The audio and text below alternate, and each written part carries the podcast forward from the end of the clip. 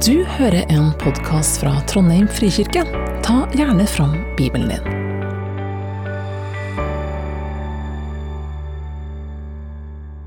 Dagens tekst den står skrevet i Matteusevangeliet, kapittel 28. Da sabbaten var over og det begynte å lysne den første dagen i uka, kom Maria Magdalena og den andre Maria for å se til graven. Med ett ble det et kraftig jordskjelv, for en Herrens engel steg ned fra himmelen, gikk fram og rullet steinen til side og satte seg på den. Han var som et lyn å se til, og drakten var hvit som snø. Vaktene skalv av redsel der de så ham, og de ble liggende som døde. Men engelen tok til orde og sa til kvinnene, Frykt ikke, jeg vet at dere leter etter Jesus den korsfestede. Han er ikke her. Han er stått opp, slik som han sa. Kom og se stedet hvor han lå. Skynd dere av sted og si til disiplene hans, han er stått opp fra de døde, og han går i forveien for dere til Galilea, der dere skal få se ham. Nå har jeg sagt dere det. Da skyndte de seg bort fra graven, redde, men jublende glade, og de løp for å fortelle det til disiplene. Og se, Jesus kom mot dem og sa, Vær hilset. De gikk fram og omfavnet føttene hans og tilbe ham. Jesus sa til dem, Frykt ikke. Gå og si til mine brødre at de skal dra til Galilea. Der skal de se meg. Slik lyder Herrens ord.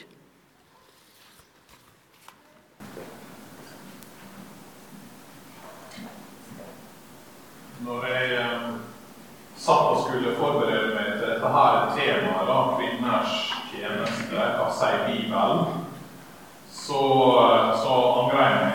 Uh, jeg tenker hvorfor i all verden eh, sier ja til her? For det, det er jo både vanskelig og krevende og det er litt sånn utfordrende på flere måter.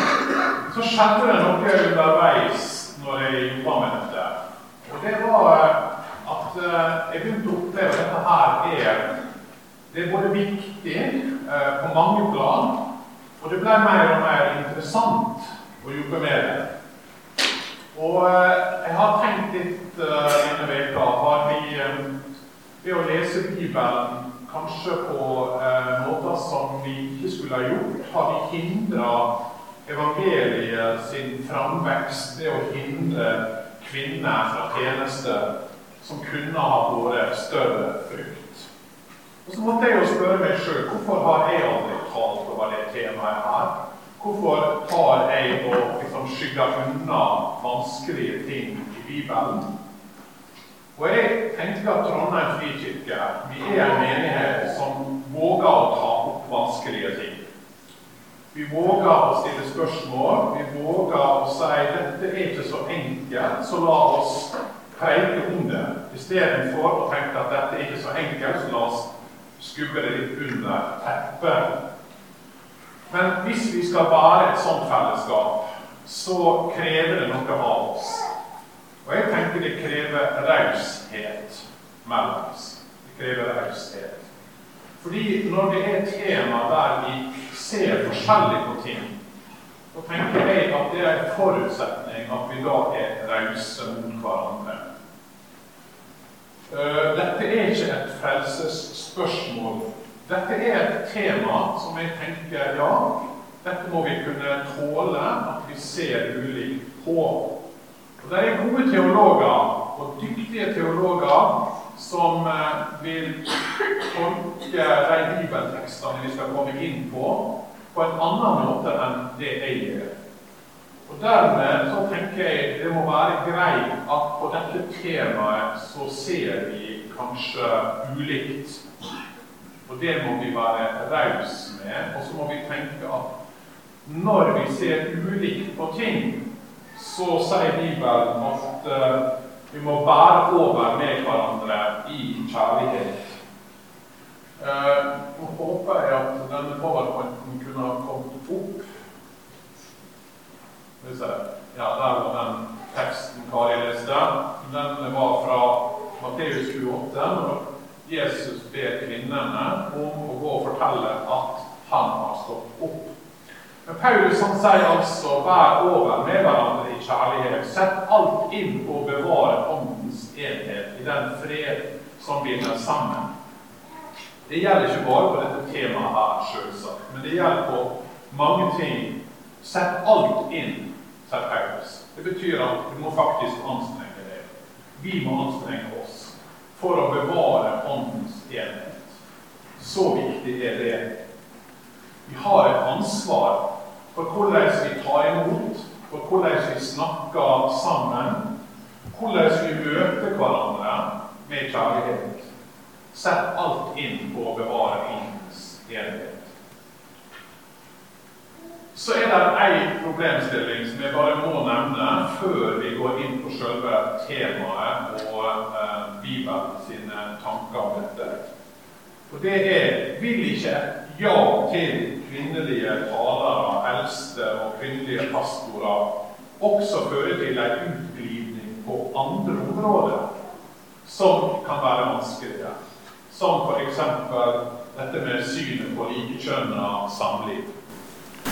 Jeg kan ikke bruke så mye tid på det, fordi det er ikke det som er temaet i dag.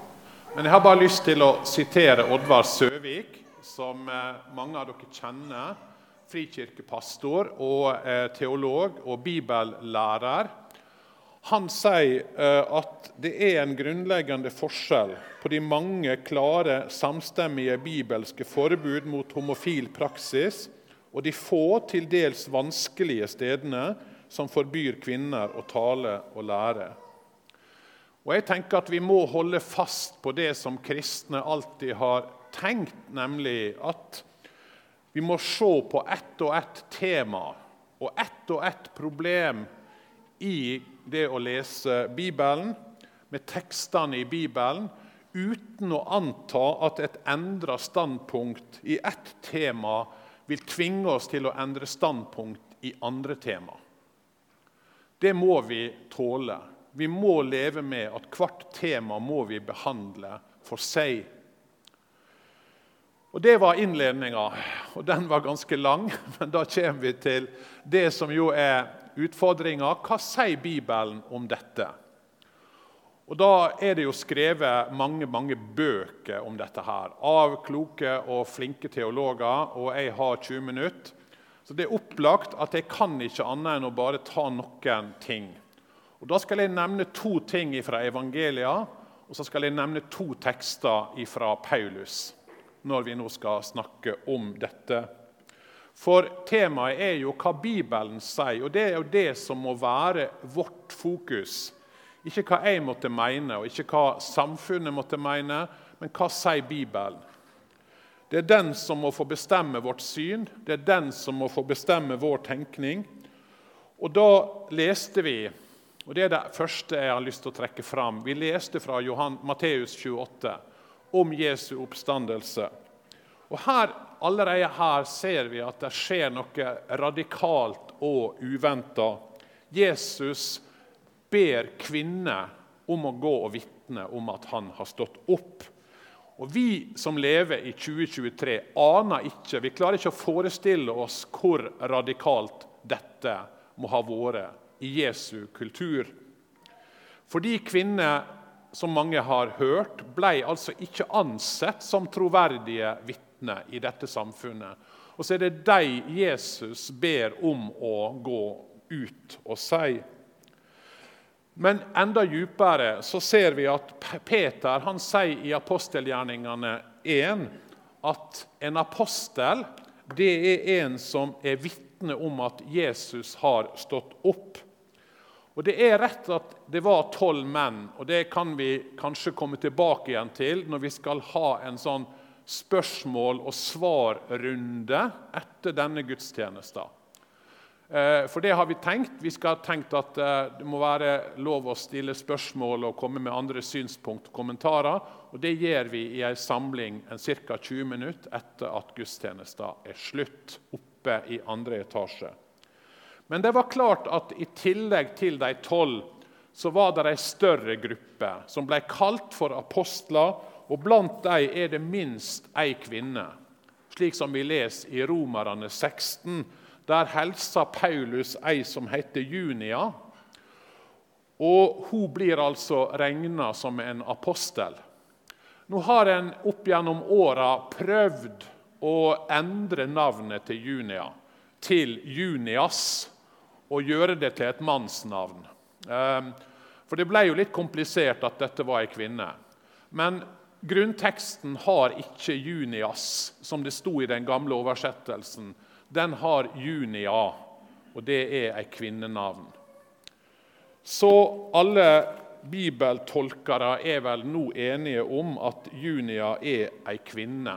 Så her har du et litt merkelig eksempel, da, så tidlig, bare noen år etter Jesus, at ei kvinne ble regna blant apostlene.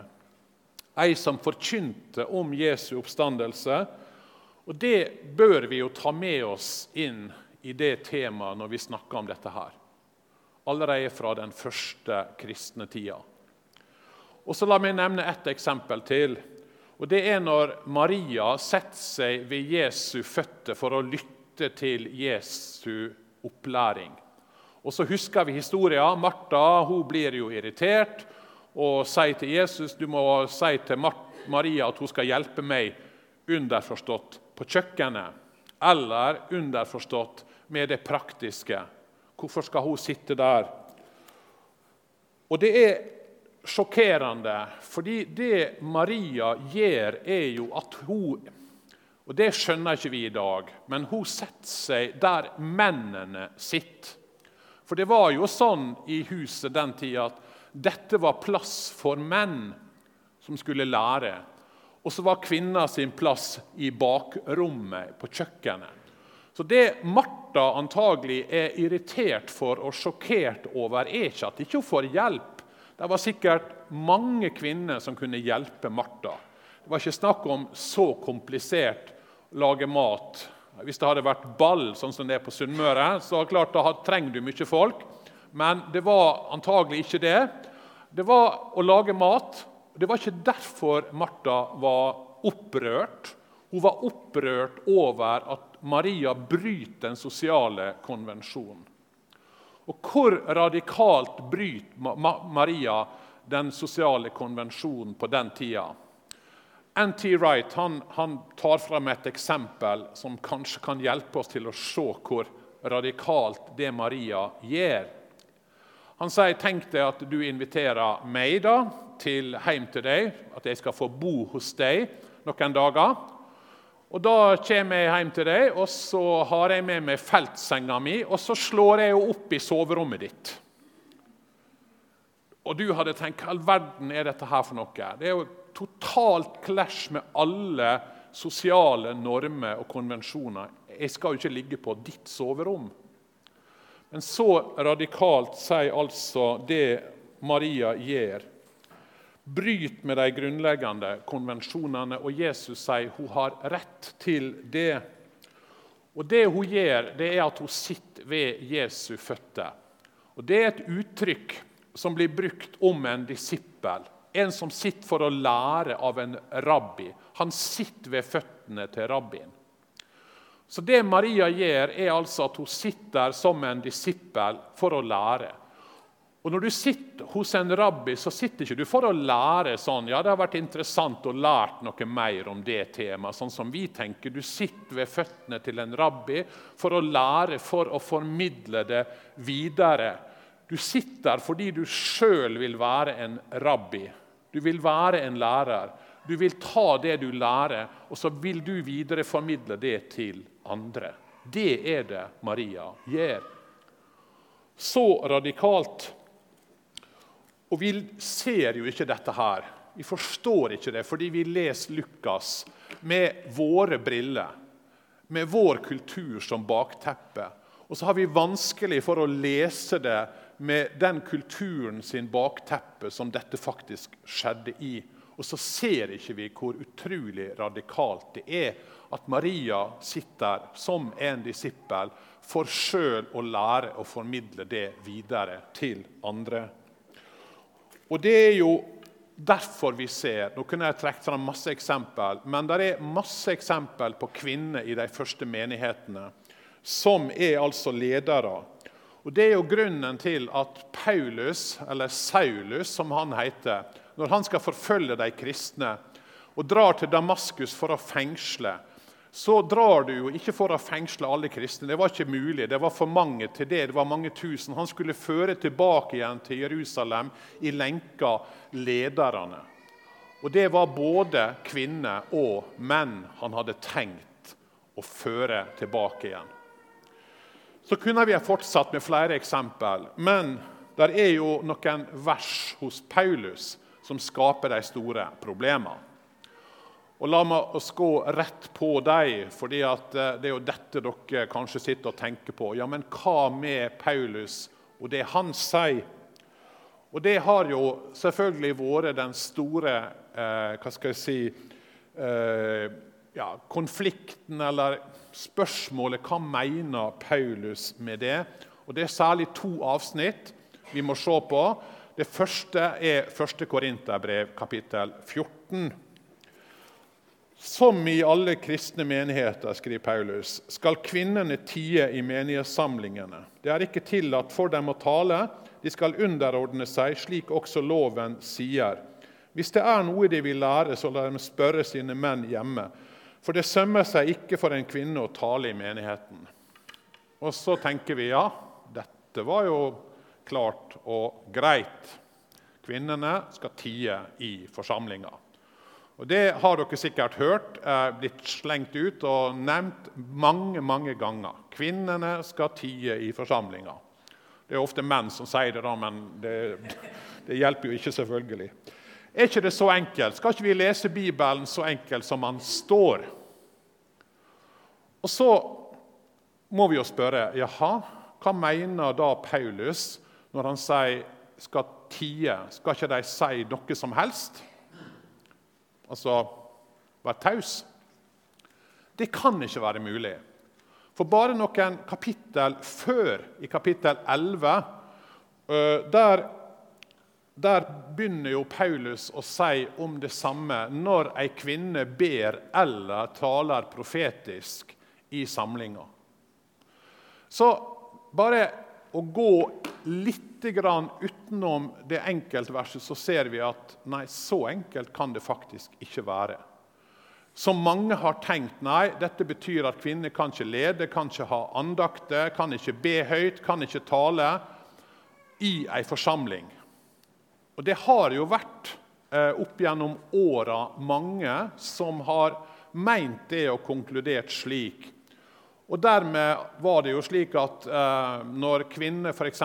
i Misjonssambandet fikk lov til å ha andakt, så var det flere av lederne som meldte seg ut i protest. For det var så tydelig for dem at en kvinne skulle, være, skulle tie i forsamlinga. En som noen har jo tenkt at kan dette bety at ei kvinne kan ikke tale i menighetsforsamlinga, men hvis vi går ut forbi huset, så kan hun tale. Noen har tolka det slik, til og med. Eh, ei kvinne som tok dette bokstavelig, det var en misjonær som heter Sofie Müller. Hun dro til Colombia i 40-åra og grunnla mer enn 500 menigheter. denne kvinna. Mer enn 500 menigheter starta hun gjennom sitt arbeid som misjonær. Men siden hun hadde fått med seg denne teksten her, og tenkte at hun var blitt opplært til at kvinner skulle tie i forsamlinga, så underviste hun altså alle disse nye kristne og nye ledere og de som ble forstandere for de nye menighetene, de underviste hun utafor bygget, også i regntida. Hvordan skal vi lese Bibelen? Ingebrigt kommer til å ha et tema om dette som jeg tror blir veldig viktig. For vi må lese det i en sammenheng. Og Sammenhengen her er for det første at Paulus bare noen vers før, et par kapittel før sier jo at kvinner taler og ber. Og Det ordet å, å, å tale profetisk det er ikke en slags sånn at du bare er et slags redskap, får noen ord fra Gud, og så formidler du det videre. Å tale profetisk i denne sammenhengen som Paulus snakker om det her, det er å tale omtrent sånn som jeg gjør. Si sånn er det Gud sier til oss. Dette er Guds budskap til oss. Så bare dermed så ser vi at det kan ikke være at kvinnene skal være tause i forsamlinga. Og Vi leser jo også at Priska, som, eh, som Paulus skriver om, kvinner, Priska og Akvila, de lærte opp Apollos, som jo var Paulus sin gode medarbeider. Så da skjønner vi at det er mer komplisert. Så hva kan Paulus mene? Ja, En god måte å lese Bibelen på det er å prøve å lese den i sammenheng. Og Hva snakker Paulus om her? Han snakker om gudstjenester. Han snakker om samlingene. Og han snakker om et problem som tydeligvis var i Korint, nemlig at i Korint i gudstjenester så dreiv folk og avbrøt hverandre og snakka over hverandre. Ikke sånn som i Trondheim frikirke. Eh, her kan jeg tale, ingen avbryter meg. Men det var et problem i Korint. Og Derfor skriver han i denne sammenhengen. Eh, hva mener jeg da, søsken? Jo, når dere kommer sammen, har én en salme, en annen et ord til lærdom, en annen har en åpenbaring, en har tungetale, en annen har tydningen. Men la alt tjene til å bygge opp. Taler noen i tunger, skal det ikke være mer enn to eller tre i høyden, tre hver gang. Det skal tale én om gangen, og det skal være én som tyder. Hvis det ikke er noen tyder, skal den som taler i tunger, tie. Og Da bruker han dette ordet eh, sigato når menigheten er samlet. Så her er det noen som får beskjed. Dere skal tie hvis det er sånn eller sånn. Så Paulus prøver å si hvordan skal en gudstjeneste, hvordan skal en samling være? Ja, I denne situasjonen sier han, så må dere tie. Og Så fortsetter han. Eh, la ham tale for seg selv og for Gud. La to eller tre tale profetisk, og la de andre prøve det de sier. Men hvis en annen får en åpenbaring mens han sitter der, skal den første tie sigato. Eh, for dere kan alle Ja, nå kommer jeg videre. Her, der er det, ja. For dere kan alle tale profetisk, men én om gangen, slik at alle kan lære og alle blir oppmuntret. Enhver profet har herredømme over sin profetånd, for Gud vil ikke uorden, men fred. Så Her sier Paulus her er en annen gruppe som skal tie i forsamlinga. Nemlig når det er snakk om profeter som får et annet budskap, eller et budskap som den første da skal tie for. For en profet, sier Paulus, han, han har kontroll med det han sier. Hva er Paulus sitt fokus? Jo, Gud vil ikke uorden, men fred. Og Så fortsetter han med den teksten vi leste. Som alle andre helliges menighetene skal kvinnene tie. Eh, og Det samme ordet han bruker, sigatosan, når menigheten samles. Så her er altså tre grupper som skal tie.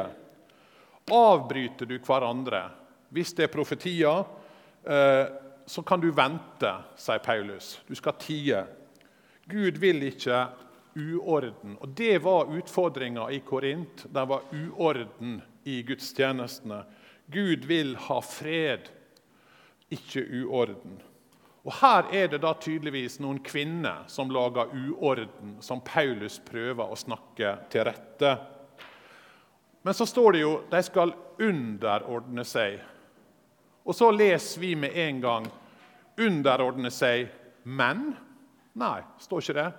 Og Det er mye mer sannsynlig at Paulus mener 'underordne seg' den orden som Gud vil ha. Den orden som Gud, når han skapte. Han skapte ut fra kaos, og så skaper han orden. Det er den lova for, som gjelder i Guds rike. At Gud vil ikke uorden. Og det er den kvinnene også må underordne seg. Men skal ikke de spørre mennene hjemme?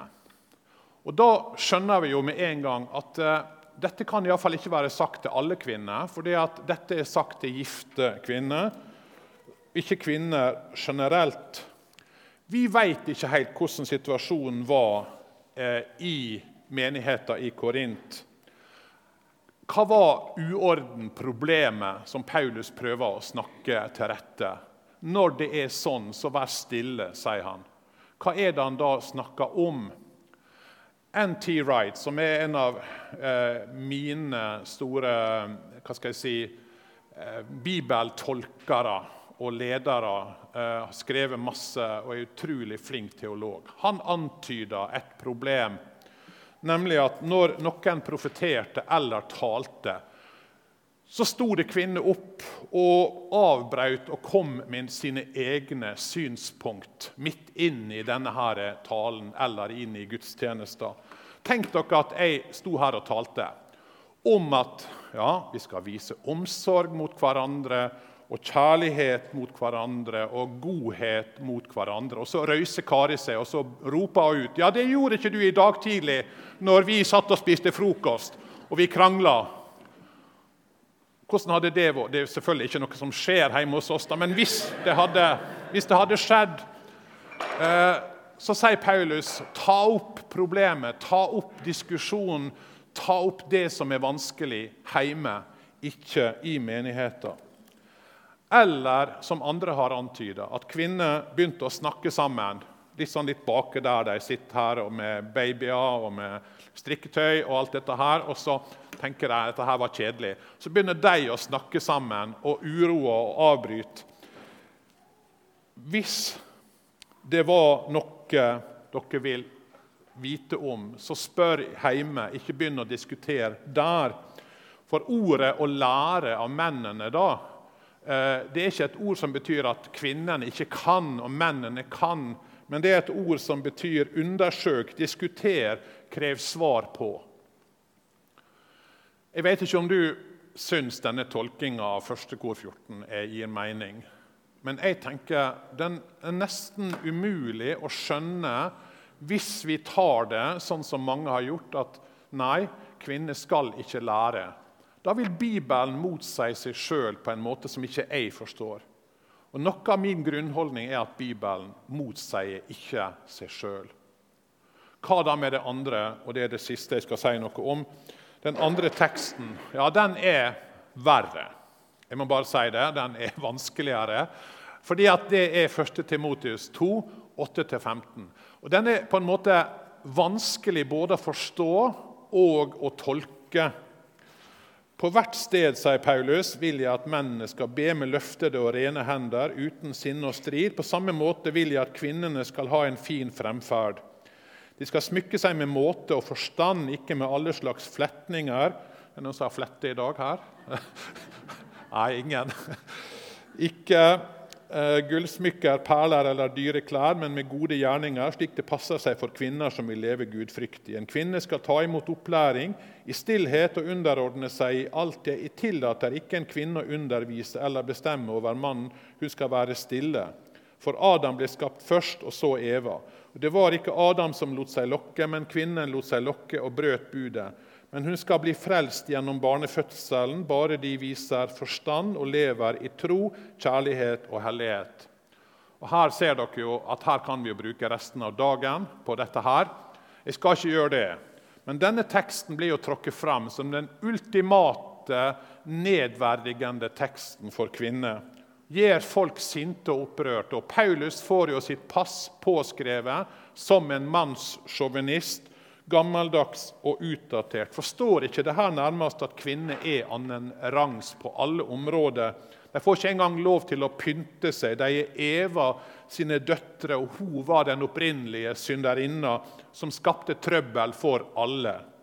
Det beste er jo om de får så mange barn som mulig, og ellers oppfører seg stille og rolig og holder munn. Er det det som står vi må gå inn i dette her. Så la oss i alle fall begynne i en annen ende. Hva er det Paulus sier her? Jo, kvinner skal få opplæring. Bare begynn der, midt inni. Fordi bare det er ganske radikalt. Som jeg sa, du får ikke opplæring bare for at nå skal du ok, nå skal jeg også få lære noe. Du får opplæring for å gi det videre. For en tenkte altså ikke på den tida som opplæring som noe som bare inneholdt en slags faktaboks som du holdt for deg sjøl. Hun skal gjøre det ved å underordne seg. Og igjen så leser vi med våre briller en gang under mannen. Det står ikke det. Mer trulig, når Paulus snakker om å underordne seg, så er det under ordet. Under det apostoliske ordet. Ta imot opplæring i underordning mot den autoritet som er i ordet. Det som er overlevert fra Jesus. Men hva så med vers 12? Jeg tillater ikke en kvinne å undervise eller bestemme over mannen hun skal være stille. Dette brevet, som er et av de siste Paulus skrev, ehm, det er skrevet til Timotius. Hvor var Timotius? Han var i Efesos. Denne byen som ehm, spennende å besøke faktisk den dag i dag, for den er gravd ut og er fantastisk utgravd. Men det var en by som dere kan lese om også i apostelgjerningene, som var var prega av hva slags religion? Jo, nemlig en kvinnelige Astarte-religion, der kvinnene var eh, prester. Alle prester i Efesos var kvinner, og kvinnelige guddommer var de dominerende. Så i denne sammenhengen, når Paulus skriver til Efesos, til Timotius, som eh, Eh, var altså leder der, så sier han det skal ikke være sånn som det var der, eller som det var motsatt før, der menn hadde autoritet over kvinner. Nei, dette kan gå for langt, sier Paulus. Eh, med kvinnelige apostler, med kvinnelige som lærere, så må dere ikke i Efesos gjøre sånn som de gjør der, og ta over den kulturen sin uh, sitt syn. Hva da med starten her? Hvordan skal vi tolke den? Jo, sier Paulus, verken menn må falle inn i den stereotype mannsrolla. Machomenn, sinne og sterke menn. Kvinnene må heller ikke falle inn i den kvinnelige stereotypen som samfunnet pålegger dem med å ytre å være opptatt av det ytre med hår og sminke og smykke. Nei, sier Paulus, både menn og kvinner er satt fri fra denne stereotype måten å tenke oss på. Vi er satt fri til å være de Gud har skapt oss til å være. Til å leve og gjøre godt og leve gudfryktige liv. Som den du er, som den kvinna du er, og som den mannen du er. Og så er det altså denne henvisninga til Eva. da, og Da er det igjen fokuset her. Kvinner må lære, slik at en ikke blir narra og forført. På samme måte som menn må lære for ikke å bli narra og forført, slik Adam blei, og slik Eva blei. Og Her tror jeg, når vi leser denne teksten, og så blir vi liksom litt sint på Paulus, skjønner kanskje ikke helt at Paulus, med det han skriver, både her og andre plasser, radikalt gjør en endring i det som var normene i samfunnet. At kvinner skal læres opp, sånn som vi så Maria ble. At vi ser Priska, som underviste Apollos, lære opp for å lære videre. Og Særlig når dette er skrevet til Efesos, der gnostisismen var religionen, så vil, da vil altså Paulus prøve å rettlede Timotius. Gnostisismen den hevder at Eva ble skapt først. Nei, sier Paulus. Adam ble skapt først, og så Eva. Gnostisismen den hevder at Evas holdning, eller Evas handling når hun åt av kunnskapens tre, det var en vei til kunnskap. Det var bra, det Eva gjorde. Nei, sier Paulus. Adam ble ikke forført, Eva ble forført og brøt budet. Det var ikke bra, det Eva gjorde da hun åt av kunnskapens tre.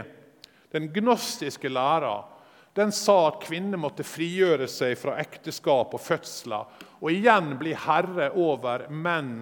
Nei, sier Paulus. Skapelsen er god. Barnefødsler er bra.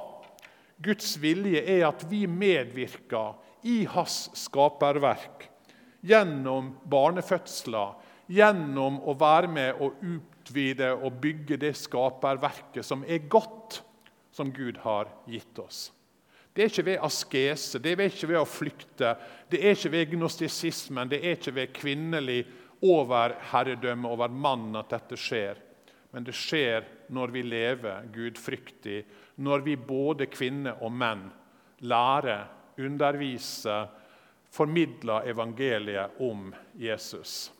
Jeg skal avslutte denne avsnittet med 1. Timotius med å sitere en, en bibellærer som heter Ole Øystese. Han er for øvrig farfaren til Martin, som eh, ble innvalgt som diakon her for noen dager siden. Men Ole Øystese var jo en av mine helter i min oppvekst på bedehuset. For han var lærer på Lærerakademiet i Bergen. En konservativ, tydelig og flink teolog. Og Han sier da at et av Paulus' råd om hva Timoteus skal si til menigheten i Efesus, må derfor ha vært om det ikke skal gå dere like ille som det gikk Eva på fallets dag, må deres kvinner gjøre det stikk motsatte av det Eva gjorde, og det motsatte av det deres forførere lærer. Argumenterer vranglærerne med at det er kvinnen som er den første i alt, at hun derfor skal råde over mannen, da skal kvinnene gjøre det stikk motsatte, sier Ole Øystese. En lang tale og en komplisert eh, tale og to kompliserte tekster. Jeg rekker ikke mer. Som sagt, eh, vi skal ha spørsmål og svar, og det er mulig å utdype noe mer etterpå. Men hovedsaka mi, hva er det? Ja, Egentlig så er det det jeg prøvde å starte med Nemlig at vi trenger å stå sammen i tjenesten, kvinner og menn, gamle og unge. Vi trenger å stå sammen fordi vi har et felles ansvar for å bringe evangeliet ut. Vi har ulike nådegaver, vi har ulike roller. Jeg tror vi trenger frimodige kvinner og menn som står fram med evangeliet, som leder og som tar ansvar. Og det må vi heie på Uavhengig om vi tolker dette med eldste og tilsynsmenn og sånt forskjellig, så må vi heie på at alle må få bruke sine nådegaver til å formidle budskapet om Jesus Kristus. Når vi ser opp gjennom historien, så leser vi jo om alle kvinnene Gud har brukt, til tross for den kampen som det var for dem å få lov å bruke de gavene Gud hadde gitt. Den største menigheten i verden i dag det er Full Gospel Church i Seoul i Korea. De har 800 000 medlemmer. Og han som er pastor der, han eh, eh, Yongi Cho, eh, han ble en gang spurt om hva som var nøkkelen til den store veksten. For de har 700 pastorer. De, mange av dem er kvinner. De har 30 000 cellegrupper. De fleste blir ledet av kvinner. Da han ble spurt hva er det som er årsaken til veksten hos dere, så svarte han frigjør kvinnene. Frigjør kvinnene. Det handler om evangeliet. Det handler om at Jesus lever. Og at han, på samme måte som han sendte Maria og de andre ut for å vitne om dette, så sender han oss ut med evangeliet til vår verden og til våre naboer.